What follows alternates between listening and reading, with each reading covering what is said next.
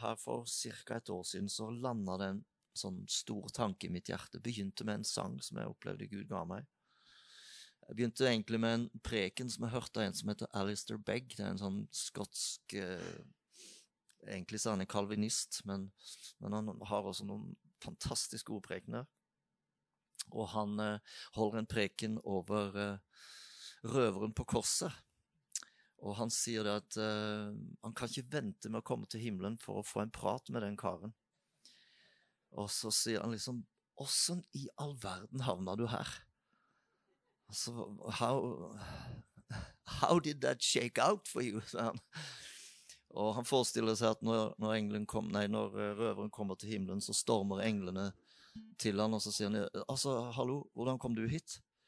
Uh, og så, så, sier jeg vi må sjekke det. Hva, hva er din uh, Hva er din uh, Eller vi må sjekke det på læren om rettferdiggjørelse. Og så bare ser han tomt og sier han, I don't know. Jeg vet ikke. Og så sier han Just a minute, I'll get my supervisor angel, sier han. Så kommer overengelen bort der og skal teste han ut om Skriftens troverdighet. Og, og røveren står der og sier, Jeg vet ikke. Men så sier han til slutt, da, så, så, spør, så spør engelen On what basis are you here? Altså, på hvilket grunnlag er du her? Og da sier han at mannen på det midterste kors sa jeg kunne komme. That's why. Uh, så denne her sangen heter 'Mannen på det midterste kors'.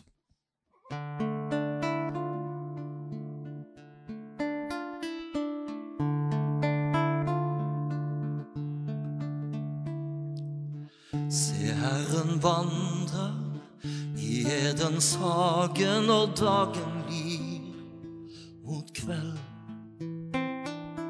Han stemmer unger utover jorden, over hav og fjell. Adam, hvor er du? Har du gjemt deg? Hva hendt,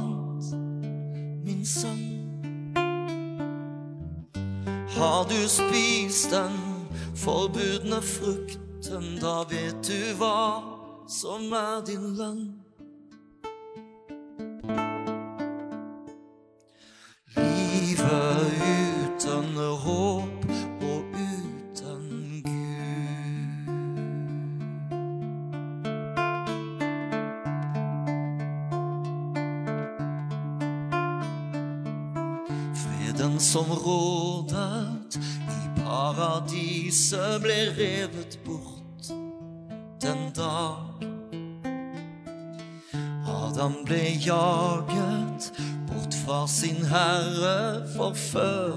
Av slangens bedrag.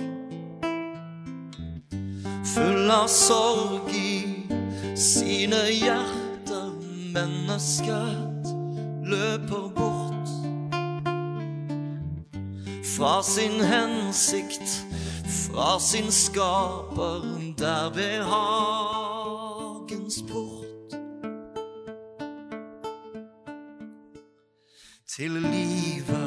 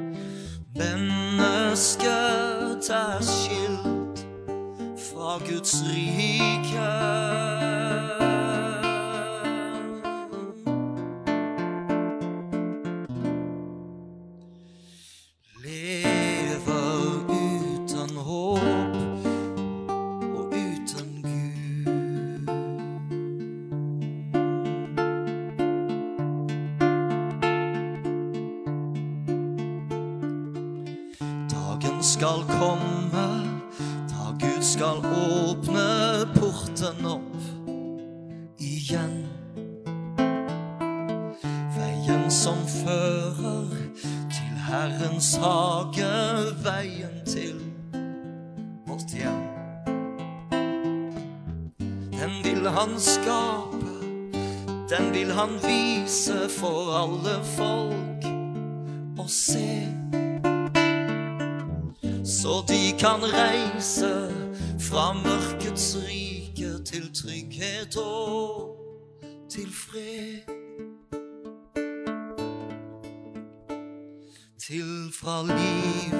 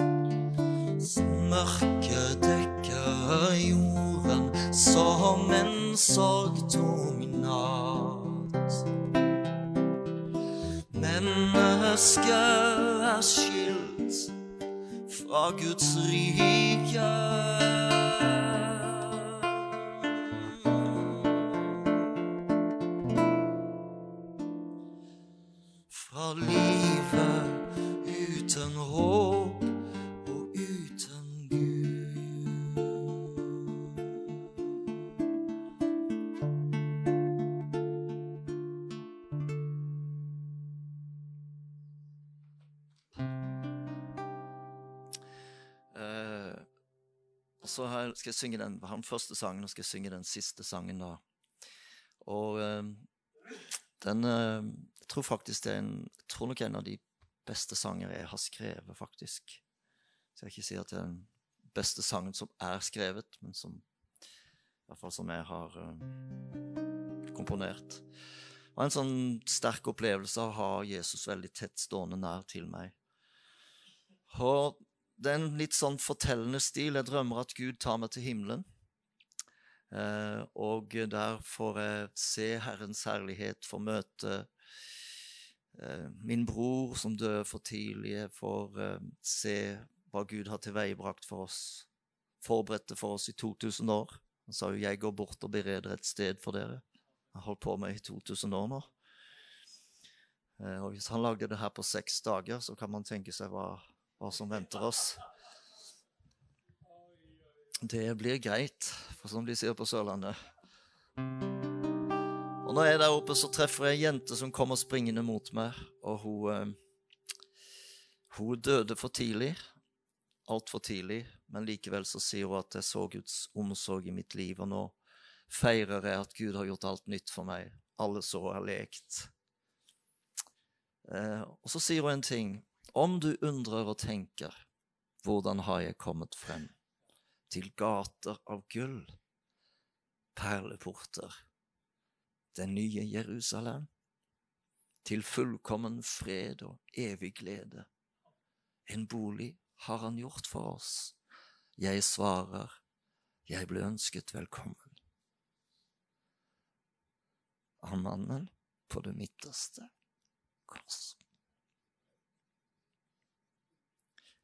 Så kommer jeg litt lenger ned i gata, og så treffer jeg en, en kar som presenterer seg som apostelen Paulus. Han sier jeg forfulgte og drepte de kristne. Men dagen på veien til Damaskus så ble mitt liv forvandla, og så sier han Grunnen til at jeg er her, sier han, om du undrer og tenker, hvordan har jeg kommet frem? Til gater av gull og perleporter, det nye Jerusalem, til fullkommen fred og evig glede, en bolig har han gjort for oss. Jeg svarer, Paulus svarer. Jeg ble ønsket velkommen av mannen på det midterste kors. Og så, til slutt, lenger ned i gata, så treffer jeg røveren selv.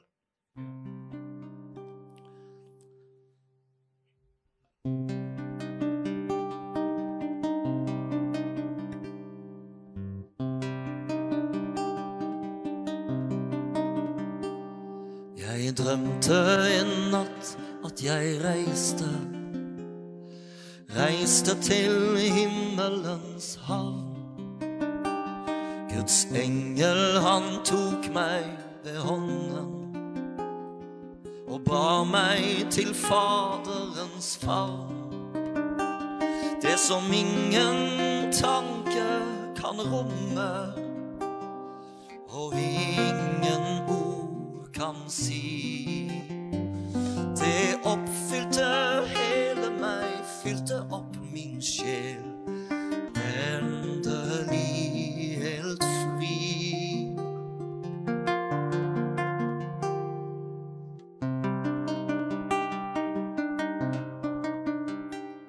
En jente kom springende mot meg. Hun strålte av himmelens glans. Sa hennes dager på jorden ble favnet av kjærligheten hans. Men hun reiste derfra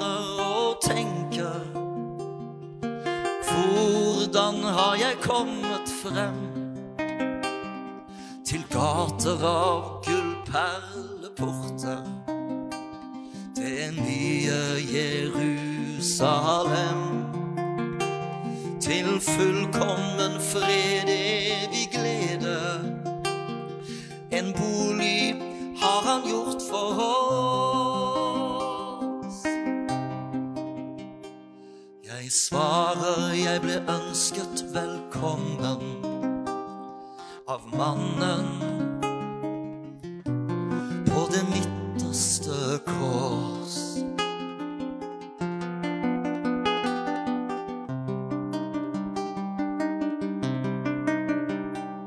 Jeg forfulgte og drepte de kristne, sa mannen jeg nå hilste på.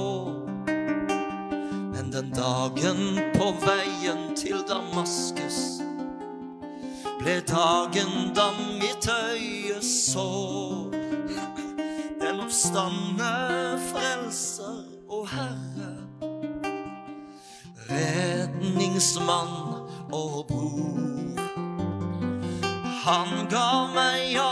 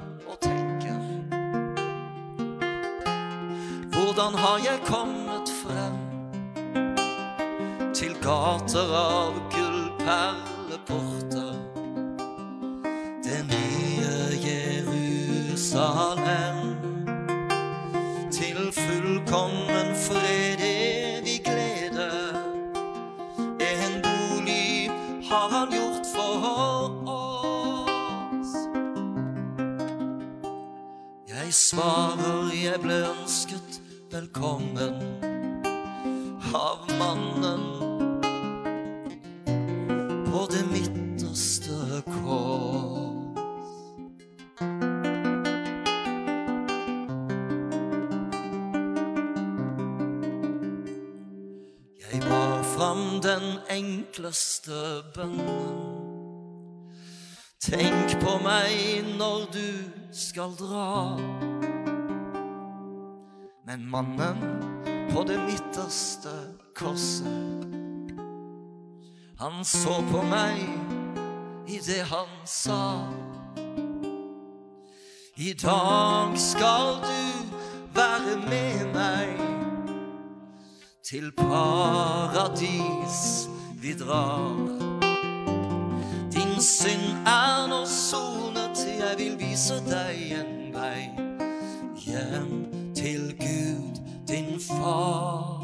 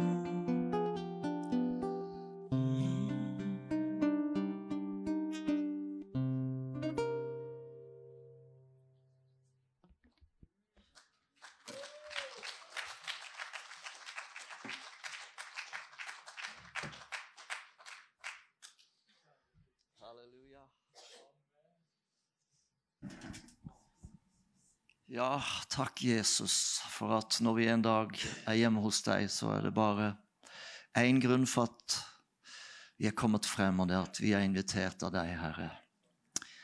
Halleluja, det bare takker vi deg for, for nådens gave, frelsen i deg. Takk for du vandrer blant benkeradene hos oss i dag, Herre. Vi kjenner du er her, mannen fra Nasaret. Takk for du er her med dine sårmerkte hender, Herre, for å bringe legedom, gjenopprettelse og nytt liv. Takk, Herre, for du er den som sier, se, jeg gjør alle ting nye. Det er Herrens sanne ord. Halleluja, jeg priser deg, Herre. Halleluja. Takk, Jesus. Halleluja.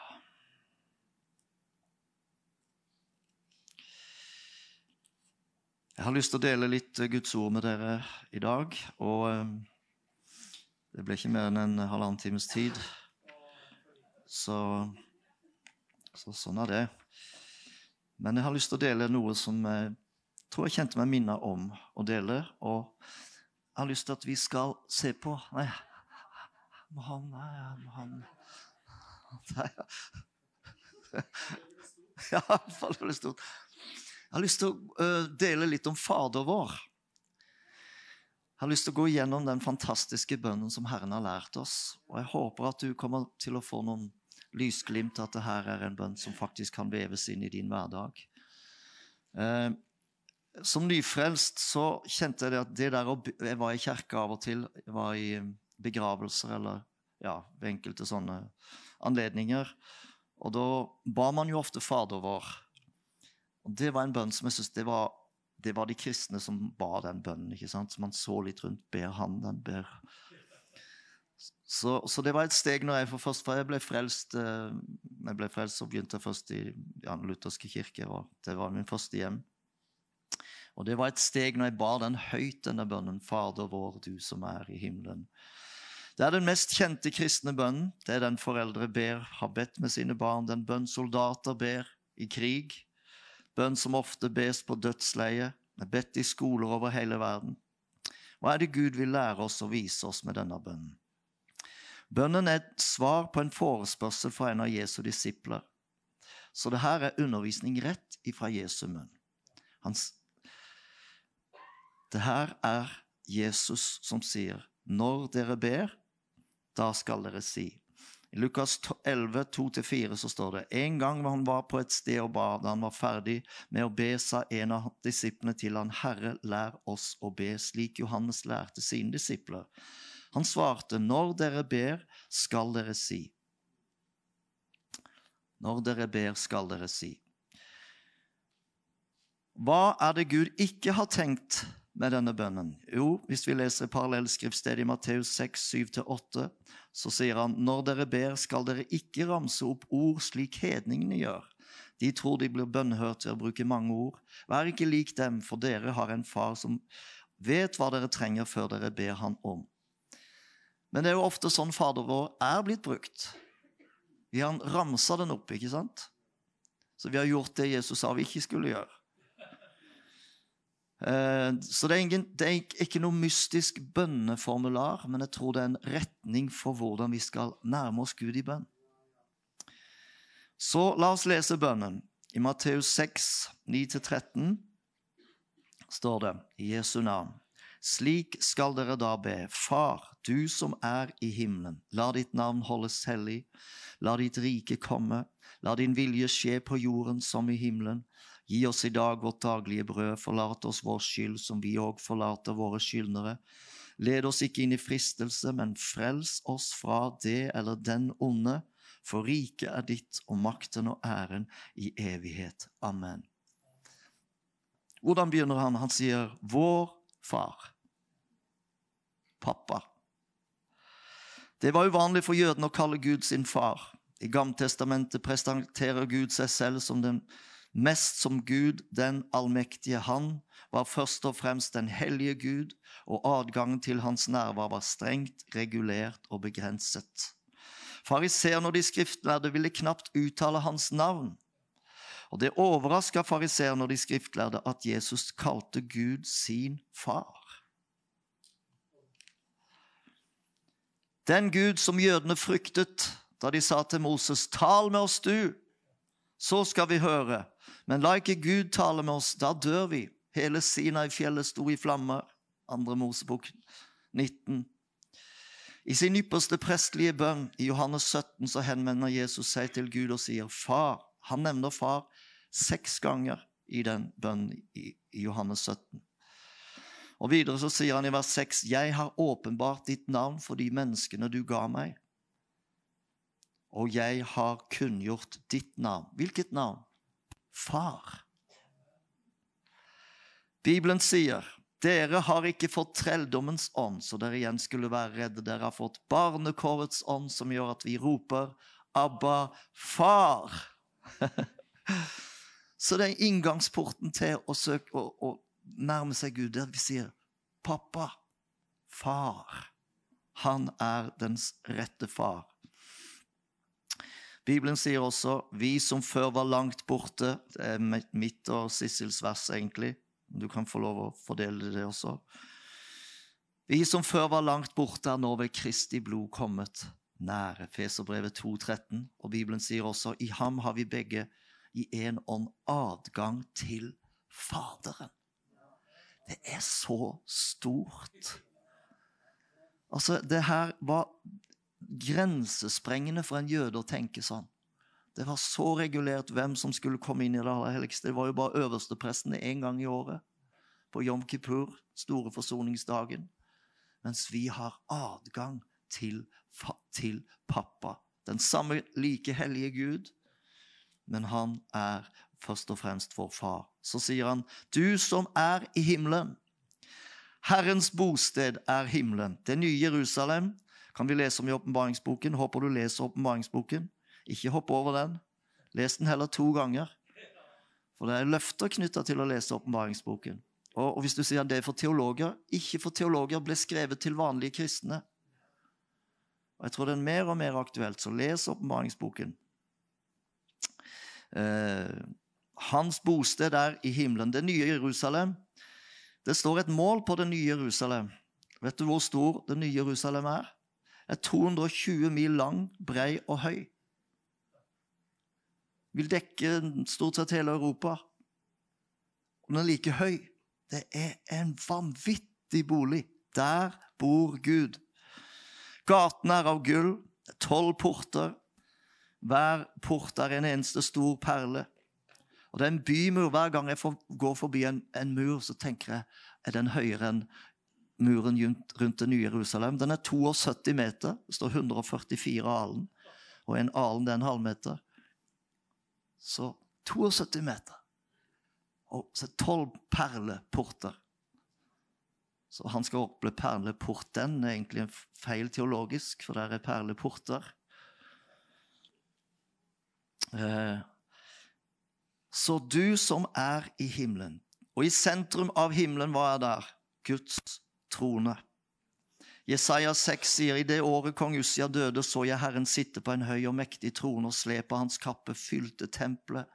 Serafer sto omkring ham, hver av dem hadde seks vinger, med to dekket i ansiktet og med to dekket i føttene, og med to holdt de seg svevende. De ropte til hverandre, Hellig, hellig, hellig er Herren Sebaot. All jorden er full av Hans herlighet. Og I Åpenbaringen 4 så leser vi i det samme kom ånden over meg, og se, himmelen sto en trone, og det satt en på tronen. Han som satt der, var å se på som jaspis og karneol, og tronen var omgitt av en regnbue, den var som smaragd. På 800-900-tallet før Kristus så var det en konge som het Josjafat. Han var konge Juda, og asyrerkongen med kong Sankerib i spissen truer med å ta Jerusalem. Han har omringet byen med en kjempehær. Kongen bøyer seg innfor Gud, og så sier han, Herre, Israels Gud, du som troner over kjerubene. Du alene er Gud for alle riker på jorden, du som skapte himmel og jord. Vi leser at Herren griper inn og sender sin engel og slår i hjel 185 000 mann på kongens bønn. Fienden blir slått tilbake. Universets sentrum er ikke New York, ikke Moskva, ikke London, ikke Beijing. Det er himmelens trone, hvor Herren den allmektige råder ut fra. Og Gud vil løfte våre øyne til Han som troner. Det er altså vår Far, du som er i himmelen. Og den tronen han sitter på, vet du hva den heter? Den heter nådens trone. Jesu blod forvandla den fra en domstol til en nådens trone. Så Gud roper nåde til sitt folk istedenfor dom. Derfor så sier Bibelen, la oss derfor med frimodighet tre fram for nådens trone, så vi kan finne nåde til hjelp i rett tri. La ditt navn holdes hellig. Hellig betyr adskilt, ingen er som han. Alt det Gud trenger, har han i seg selv. For liksom Faderen har liv i seg selv, har han også gitt Sønnen å ha liv i seg. Selv, som, eh, selv, om vi er skapt i Guds likhet, blir vi, all, blir vi alltid skapte vesener. Han er skaperen. Vi er en del av skapelsen. Han er hellig. Opphøyd. Vi møter Gud med tilbedelse og respekt. Han er adskilt opphøyd, og de fire vesener roper kontinuerlig Hellig, hellig, hellig er Herren Gud den allmektige. Verdig er Guds lam som ble slaktet. Jeg tror jo det er sånn at hvis Gud åpenbarte seg her for oss, Jesus Det kan han gjøre. åpenbare seg for, Det står at han åpenbarte seg for mer enn 500 brødre på en gang, sier Paulus. Hva tror du vi ville ha gjort? Tror du vi ville liksom ha gått bort til Jesus og tatt high five? Jeg tror vi ville lagt på vårt ansikt. Og det eneste vi kunne klare å si, er hellig, hellig, hellig. Og jeg tror på tider av der Gud bringer Guds frykt inn i menigheten igjen. Eh, ikke på et religiøst nivå, men på et nivå der vi kjenner en sånn dyp respekt og ærbødighet for Gud. Jeg husker når vi var fra hverandre disse 28 månedene, så var det atskillige ting som Gud eh, tok i tu, som det sier på svensk. altså tok, Satte lyset på i mitt liv. En, en ting som jeg bare plutselig bare omvendte meg sånn ifra. Det er litt pinlig å si det, men jeg kan si det. Vi har jo bretta ut vårt liv for hele Norge, holdt jeg på å si. så men, eh, men, det var her at Gud satte fingeren på at det var litt sånn nonsjalant med det her med å uttale Herrens navn. Man kunne komme med sånne spøk om at man profeterte ditt og man profeterte datt, og så sa man 'så sier Herren'. Eh, god jul og godt nyttår. Og så holdt han med en sånn sjargong rundt det, og så bare kjente jeg Hva har du holdt på med? Har du brukt Herrens navn til å tulle og tøyse? Og Så kjente jeg bli ordentlig redd, og så falt jeg på mitt ansikt og sa jeg, det kommer jeg aldri med til å gjøre i mitt liv. Og Det er noe med den herre respekten for Herren, for Hans navn, som vi også, når vi kommer Han nær, så er det dette vi opplever han som far, men også som den hellige og den opphøyde. La ditt navn holdes hellig. Hebreerne 13, 15 sier la derfor ved ham alltid bære fram for Gud vårt lovprisningsoffer, dvs. Si frukt av lepper som friser hans navn. Halleluja. La ditt rike komme, eller komme ditt rike. Guds rike kommer ikke automatisk, vet du det? Gjennom Adams fall er faktisk djevelen denne verdens gud. Verden ligger i det onde. Etter Adams fall er jorden invadert av fiendtlige krefter. Men som nye skapninger Er det noen nye skapninger her? Er det noen helt nye skapninger? Er det noen som alt er blitt nytt for? ja, grann nytt. Gud har gitt autoritet til den nye rasen av jordboere som heter den nye skapningen. Gud gjorde et skapelsesunder på pinsedag. Har aldri funnes den arten på jord før. Det er den nye skapningen. Døden fikk herrede på grunn av et eneste menneskes fall. Hvor mye mer skal da ikke de eie liv og få herredømme ved den ene Jesus Kristus, de som tar imot Guds store nåde og rettferdighetens gave? Så det er en kraftfull bønn å be komme dit rike. Når vi ber denne bønn utøver i autoritet. Lysets rike overvinner, overmanner mørket. I min familie og på min arbeidsplass og i nasjonen. Det tror vi på. Komme dit rike, det tror jeg også har med at vi faktisk kan be. De hilste hverandre i den første tid, de kristne, med et ord. Et arameisk bønnerop, står det. Vet du hva det var? Maranata. Kom, Herre. Det er også en bønn vi kan be. Vi ber at kongen skal komme tilbake. Åh, bare tenk den setningen. Jesus Kristus kommer tilbake. Han kommer til å sette sine føtter på Oljeberget, og så mye kraft og herlighet er det i de føttene at det de kommer til å dele seg i to. Kommer en elv til å renne ned i Middelhavet og en elv i Dødehavet. Da kommer de til å stå og fiske, står det faktisk. Og da, da blir det fred. Når fredens fyrste sitter på tronen i Jerusalem. Og det her er ingen sånn fantasy-greie. Det her er ingen virkelighetsflukt. Det er sannheten fordi det er Guds ord. Jeg tror på det. Så Derfor er det også et bønnerop som kommer fra vårt hjerte. Kom, Herre. Det var det de første kristne hilste oss med. Og er nest siste setning i Johannes' åpenbaring. Vet du hva det er? Kom, Herre Jesus. Kom, Herre Jesus. Skje din vilje som i himmelen så på jorden. Det er en overgivelsesbønn som vi kan be hver morgen. Virk i meg både å ville og gjøre etter din gode vilje. Det finnes tider der vi ber bønner av overgivelse til Guds plan og vilje. Innvi oss og bære fram mot legeme som et levende og hellig offer. Veivalg. Hvor skal vi bo? Hvilket yrke skal vi ha? Hvilken hustru skal vi velge? Hvem skal vi, ja, hvem skal vi gifte oss med? Det er en erobringsbønn. Og så er, og så er det er det sånn Jo, skal vi våge å be, skje din vilje? For da kan jo alt mulig skje. Gud, vet du hva som er Guds vilje? Det her er Guds vilje. Så når vi ber om 'skje din vilje', da ber vi at det som er nedtegna i Herrens ord, det skal skje. Og det er ikke sånn at vi I, i Romerbrev 5,17 så står det 'vær ikke uforstandige, men forstå hva som er Herrens vilje'. Hvordan kan vi forstå? Ved å kjenne Skriftene og kjenne Den hellige ånd. Så kan vi forstå Herrens vilje. Det, står at deres tanker er ikke våre Hans veier er, er høyere enn våre veier, og, og, hans tanker er høyere enn våre tanker. Det står om hedninger. Men vi har Krist. We have the mind of Christ. Så vi, Gud vil dele med oss sine tanker, og de er høye. Tenk bare på denne lille kroppen som står her. En minstemann på Når jeg vokste opp, så kalte de meg for Stubben. Jeg rakk så vidt over bakken. Jeg var den stilleste gutten i klassen. Eh, eh, jeg hadde liksom veldig lite å vise til. Hadde aldri skrevet så mye som en, noe som ligna på en sang. Kunne ikke rime. Min bror kan rime, han er flink på det, og mamma kan rime. Jeg kunne ikke det.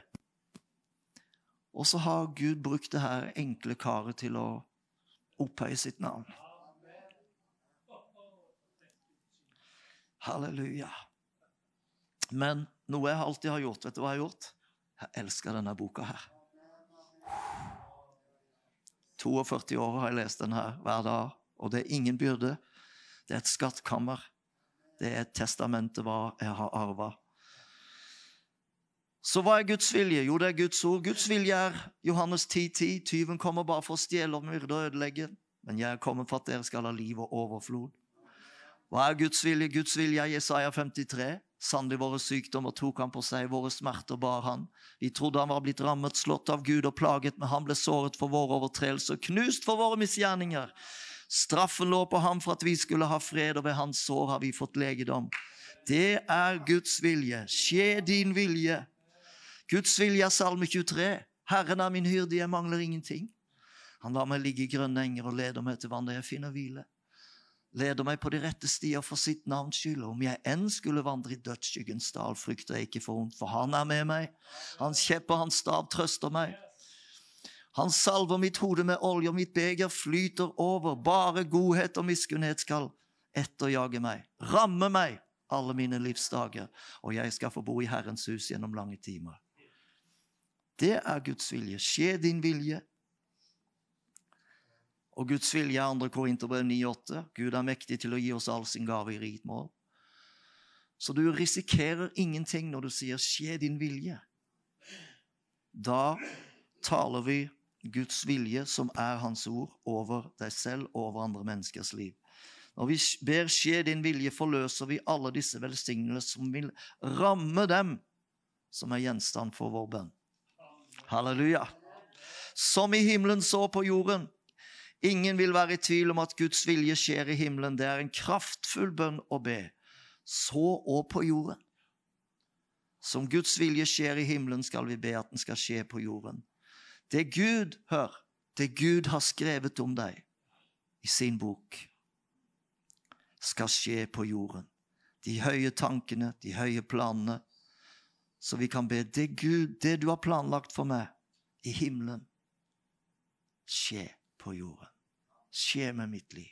Skje med min familie. Videre, gi oss i dag vårt daglige brød. Vår Gud er vår forsørger. Uansett hva som måtte møte oss i fremtiden, så vil Gud ta hånd om oss. Visste du at verdens fremtid ikke er lys? Verden styrer mot de syv verste år i menneskets historie trengselstiden. Eh, det blir det mørkeste kapittelet i menneskets historie. Men Gud vil,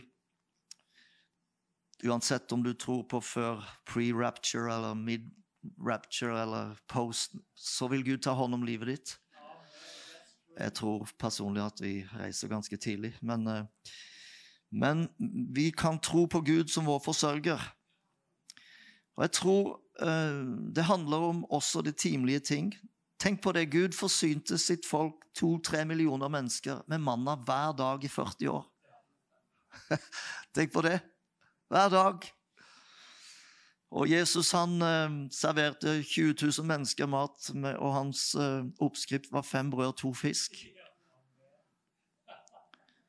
Så det, jeg tror kanskje det er tid også for å ha Gud som vår kilde også når det gjelder at han er vår forsørger. Gi oss i dag vårt daglige brød, det vi trenger. Jeg tror også det betyr at Gud vil gi deg den åndelige maten du trenger hver dag. Det levende ordet du trenger for dagen i dag. Det har jeg opplevd mange ganger. Jeg leser jo i Bibelen hele tida Nye og Gamle testamenter. Ofte så er det sånn at jeg treffer på kapitler og vers som passer den dagen. Har du opplevd det? Og han vil gi oss vårt daglige brød, som vi trenger, kanskje for noen mennesker vi skal møte, eller situasjoner som oppstår. At han vil gi oss vårt daglige brød. Forlat oss vår skyld. Den hellige ånd som bor i oss, vil overbevise oss om synd, men konkret synd. Da kan vi be om konkret om tilgivelse, og vi er renset. Jeg syns det er kjedelig noen ganger som folk som du, du vet egentlig burde ha kjent noe konkret. Og så kan de si jo, vi er jo alle skrøpelige mennesker, og vi trenger alle tilgivelse. Det er lite verdt for meg. Men den bror som kommer til meg, ser meg inn i øynene, vet du hva det gjorde der? Hva feil kan du tilgi meg? Det er noe annet. Det helbreder relasjonen. Men Den hellige ånd er alltid spesifikk. Han legger ikke en hånd av fordømmelse over våre liv. Nei, han er jo pappaen vår. Abba far. Men han vil gi, gi oss det beste livet, og det beste livet er at vi ikke lever i synd. Fordi det drar våre liv ned. Vi er ikke frelste syndere, vi er rettferdiggjort. I Kristus har han utvalgt oss fra verden ble skapt, så vi skulle stå hellige og feilfri for hans ansikt. Så du ser på en hellig og feilfri mann, Sissel? Bare sånn det er. Kom ikke her. For det står at våre brødres anklager, så i Åpenbaringen 12, han anklaget dem for vår Gud dag og natt. Han holder på med å anklage oss hele tiden, hele tiden, hele tiden. Gud har frikjent oss i Kristus, og vi er hans ektefødte sønner og døtre. Halleluja, halleluja, halleluja. Som vi forlater våre skyldnere. Som Gud har tilgitt oss, er vi kalt til å tilgi hverandre. Og som en disippel av Jesus Kristus er det en del valg vi ikke har. Vi kan ikke velge å bære på utilgivelse og bitterhet. Det er ikke et valg vi har. Og Jesus sier jo i denne lignelsen om, om han som da skyldte masse penger, nei, som skyldte masse penger og fikk ettergitt, og så ville han ikke ettergi denne andre personen, så skyldte han bare noe smårusk. Han blir satt i fengsel og blir overgitt, står det, til strenge fangevoktere, til egentlig torturister. Og Jesus sier at den som ikke helhjertet tilgir sin bror, han blir en som havner i fengsel. Han slipper ikke ut dit, ut fra det før han har gjort opp. Så ikke velg bitterhetens vei. Det er ikke verdt det. Og nå kan det jo være sånn at tilgivelse kan være prosesser. Det er jeg veldig klar over. Josef måtte jo ha litt tid. Flere måneder, faktisk. Sendte de tilbake til så, Men til slutt så havna de Eh, tilga de hverandre. Eh, men vi har nulltoleranse for utilgivelse. Og, men av og til så kan det begynne med å si 'jeg vil tilgi'. Og Vi skal tilgi alle, men av og til kan det være slik at man ikke har like mye fellesskap med alle. Sånn kan det være. Men tilgivelse vil Gud vi skal være rause med. Jeg har to fantastiske mammaer, en, en mamma og en pappa, som er så flotte mennesker. Og de er sånn uh, rause. Og vet du hva, de blir bare rausere og rausere. Sånn tror jeg det er også for våre liv. Om vi velger den veien som heter raushet, tilgivelse, overbærenhet, så blir vi bare mer og mer rause og mer og mer overbærende. Og motsatt. Hvis du blir en som er hard mot andre mennesker og har vanskelig for å tilgi og alltid holder ting opp mot noen, så blir du verre. Så la oss velge den riktige veien, velge tilgivelse. Led oss ikke inn i fristelse, eller bring oss inn frist, ikke inn i fristelsens vold. Vet du at Gud prøver oss? Fristelse betyr også prøvelse. Fordi han vil forme oss til Kristi likhet. Og jeg vet ikke hvor mange ganger Gud har prøvd mine motiver. Og han har ordentlig rota til det med eh, gitarer som er falske, og med strenger som ryker, og med Jeg skal ikke si at Gud er liksom den direkte årsaken, men han tester. Åssen tar han det her? Åssen tar han det? Hva, hva betydde det? Eller det kan være kollegaer på jobb som give you a hard time, og som tester som, hvilken, hvilken vei du velger når du står der. Og jeg har hatt eh, begge deler og, og opplever det stadig vekk. Og det er jo bare fordi at han vil at vi skal gjøre det vi gjør fra våre hjerter, og med rene og edle motiver.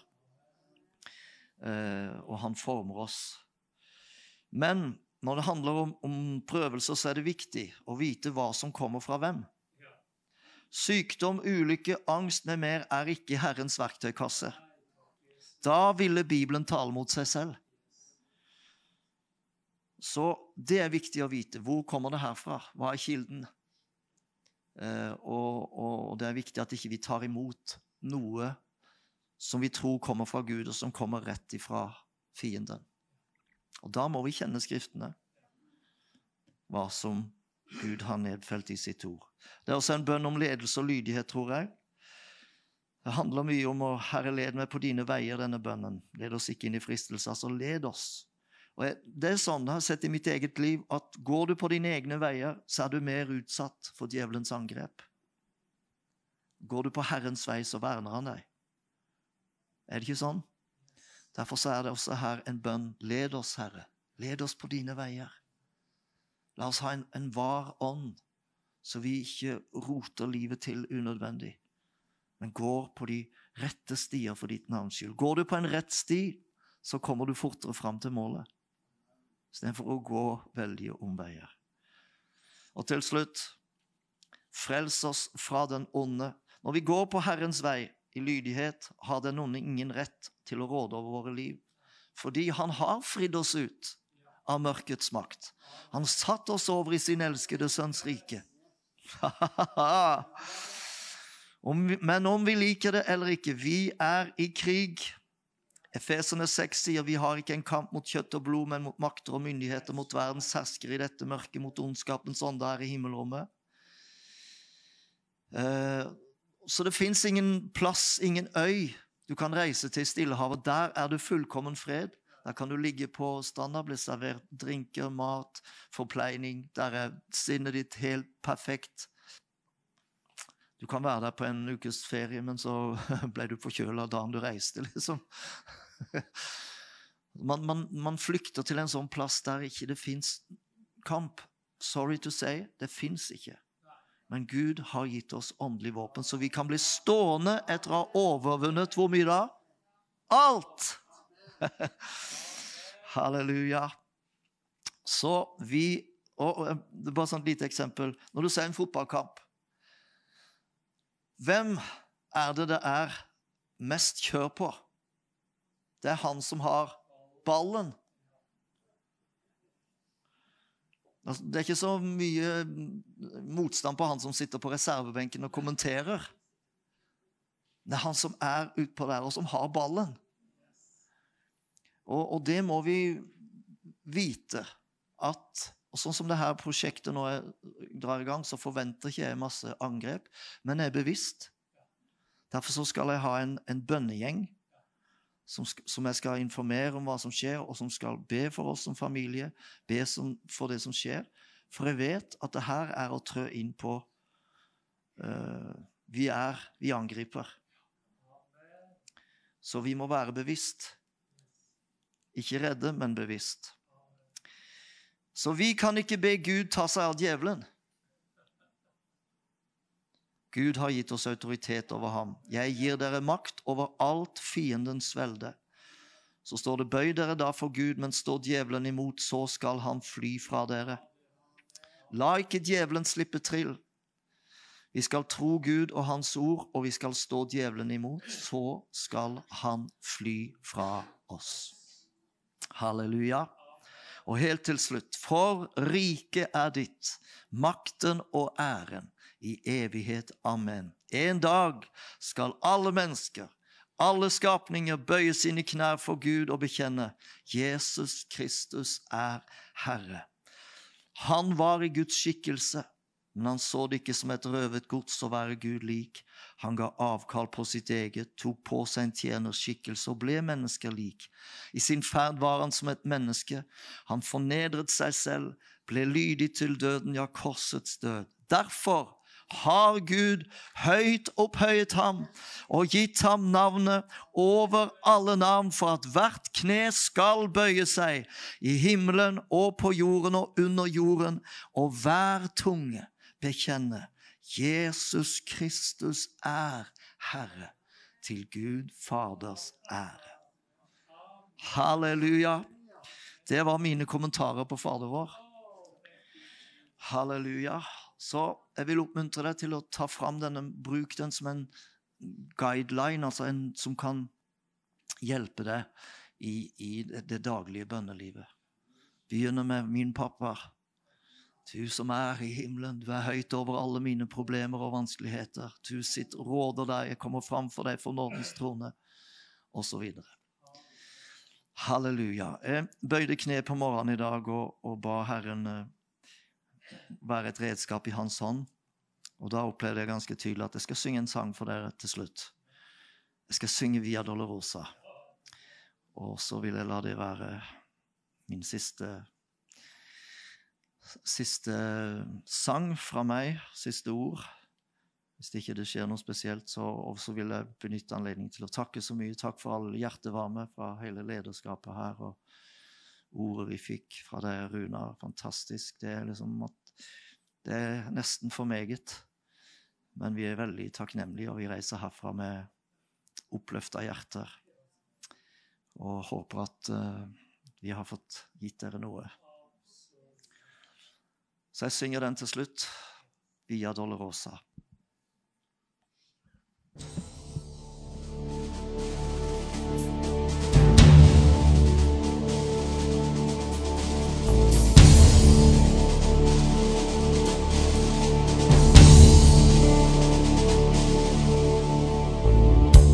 en smertens vei. Via Dolorosa, du sa ja til Faderens vilje. Du gikk korsets vei. Du ble sparket og slått, hånet av alle. Og de som sto deg nærmest, de løp sin vei.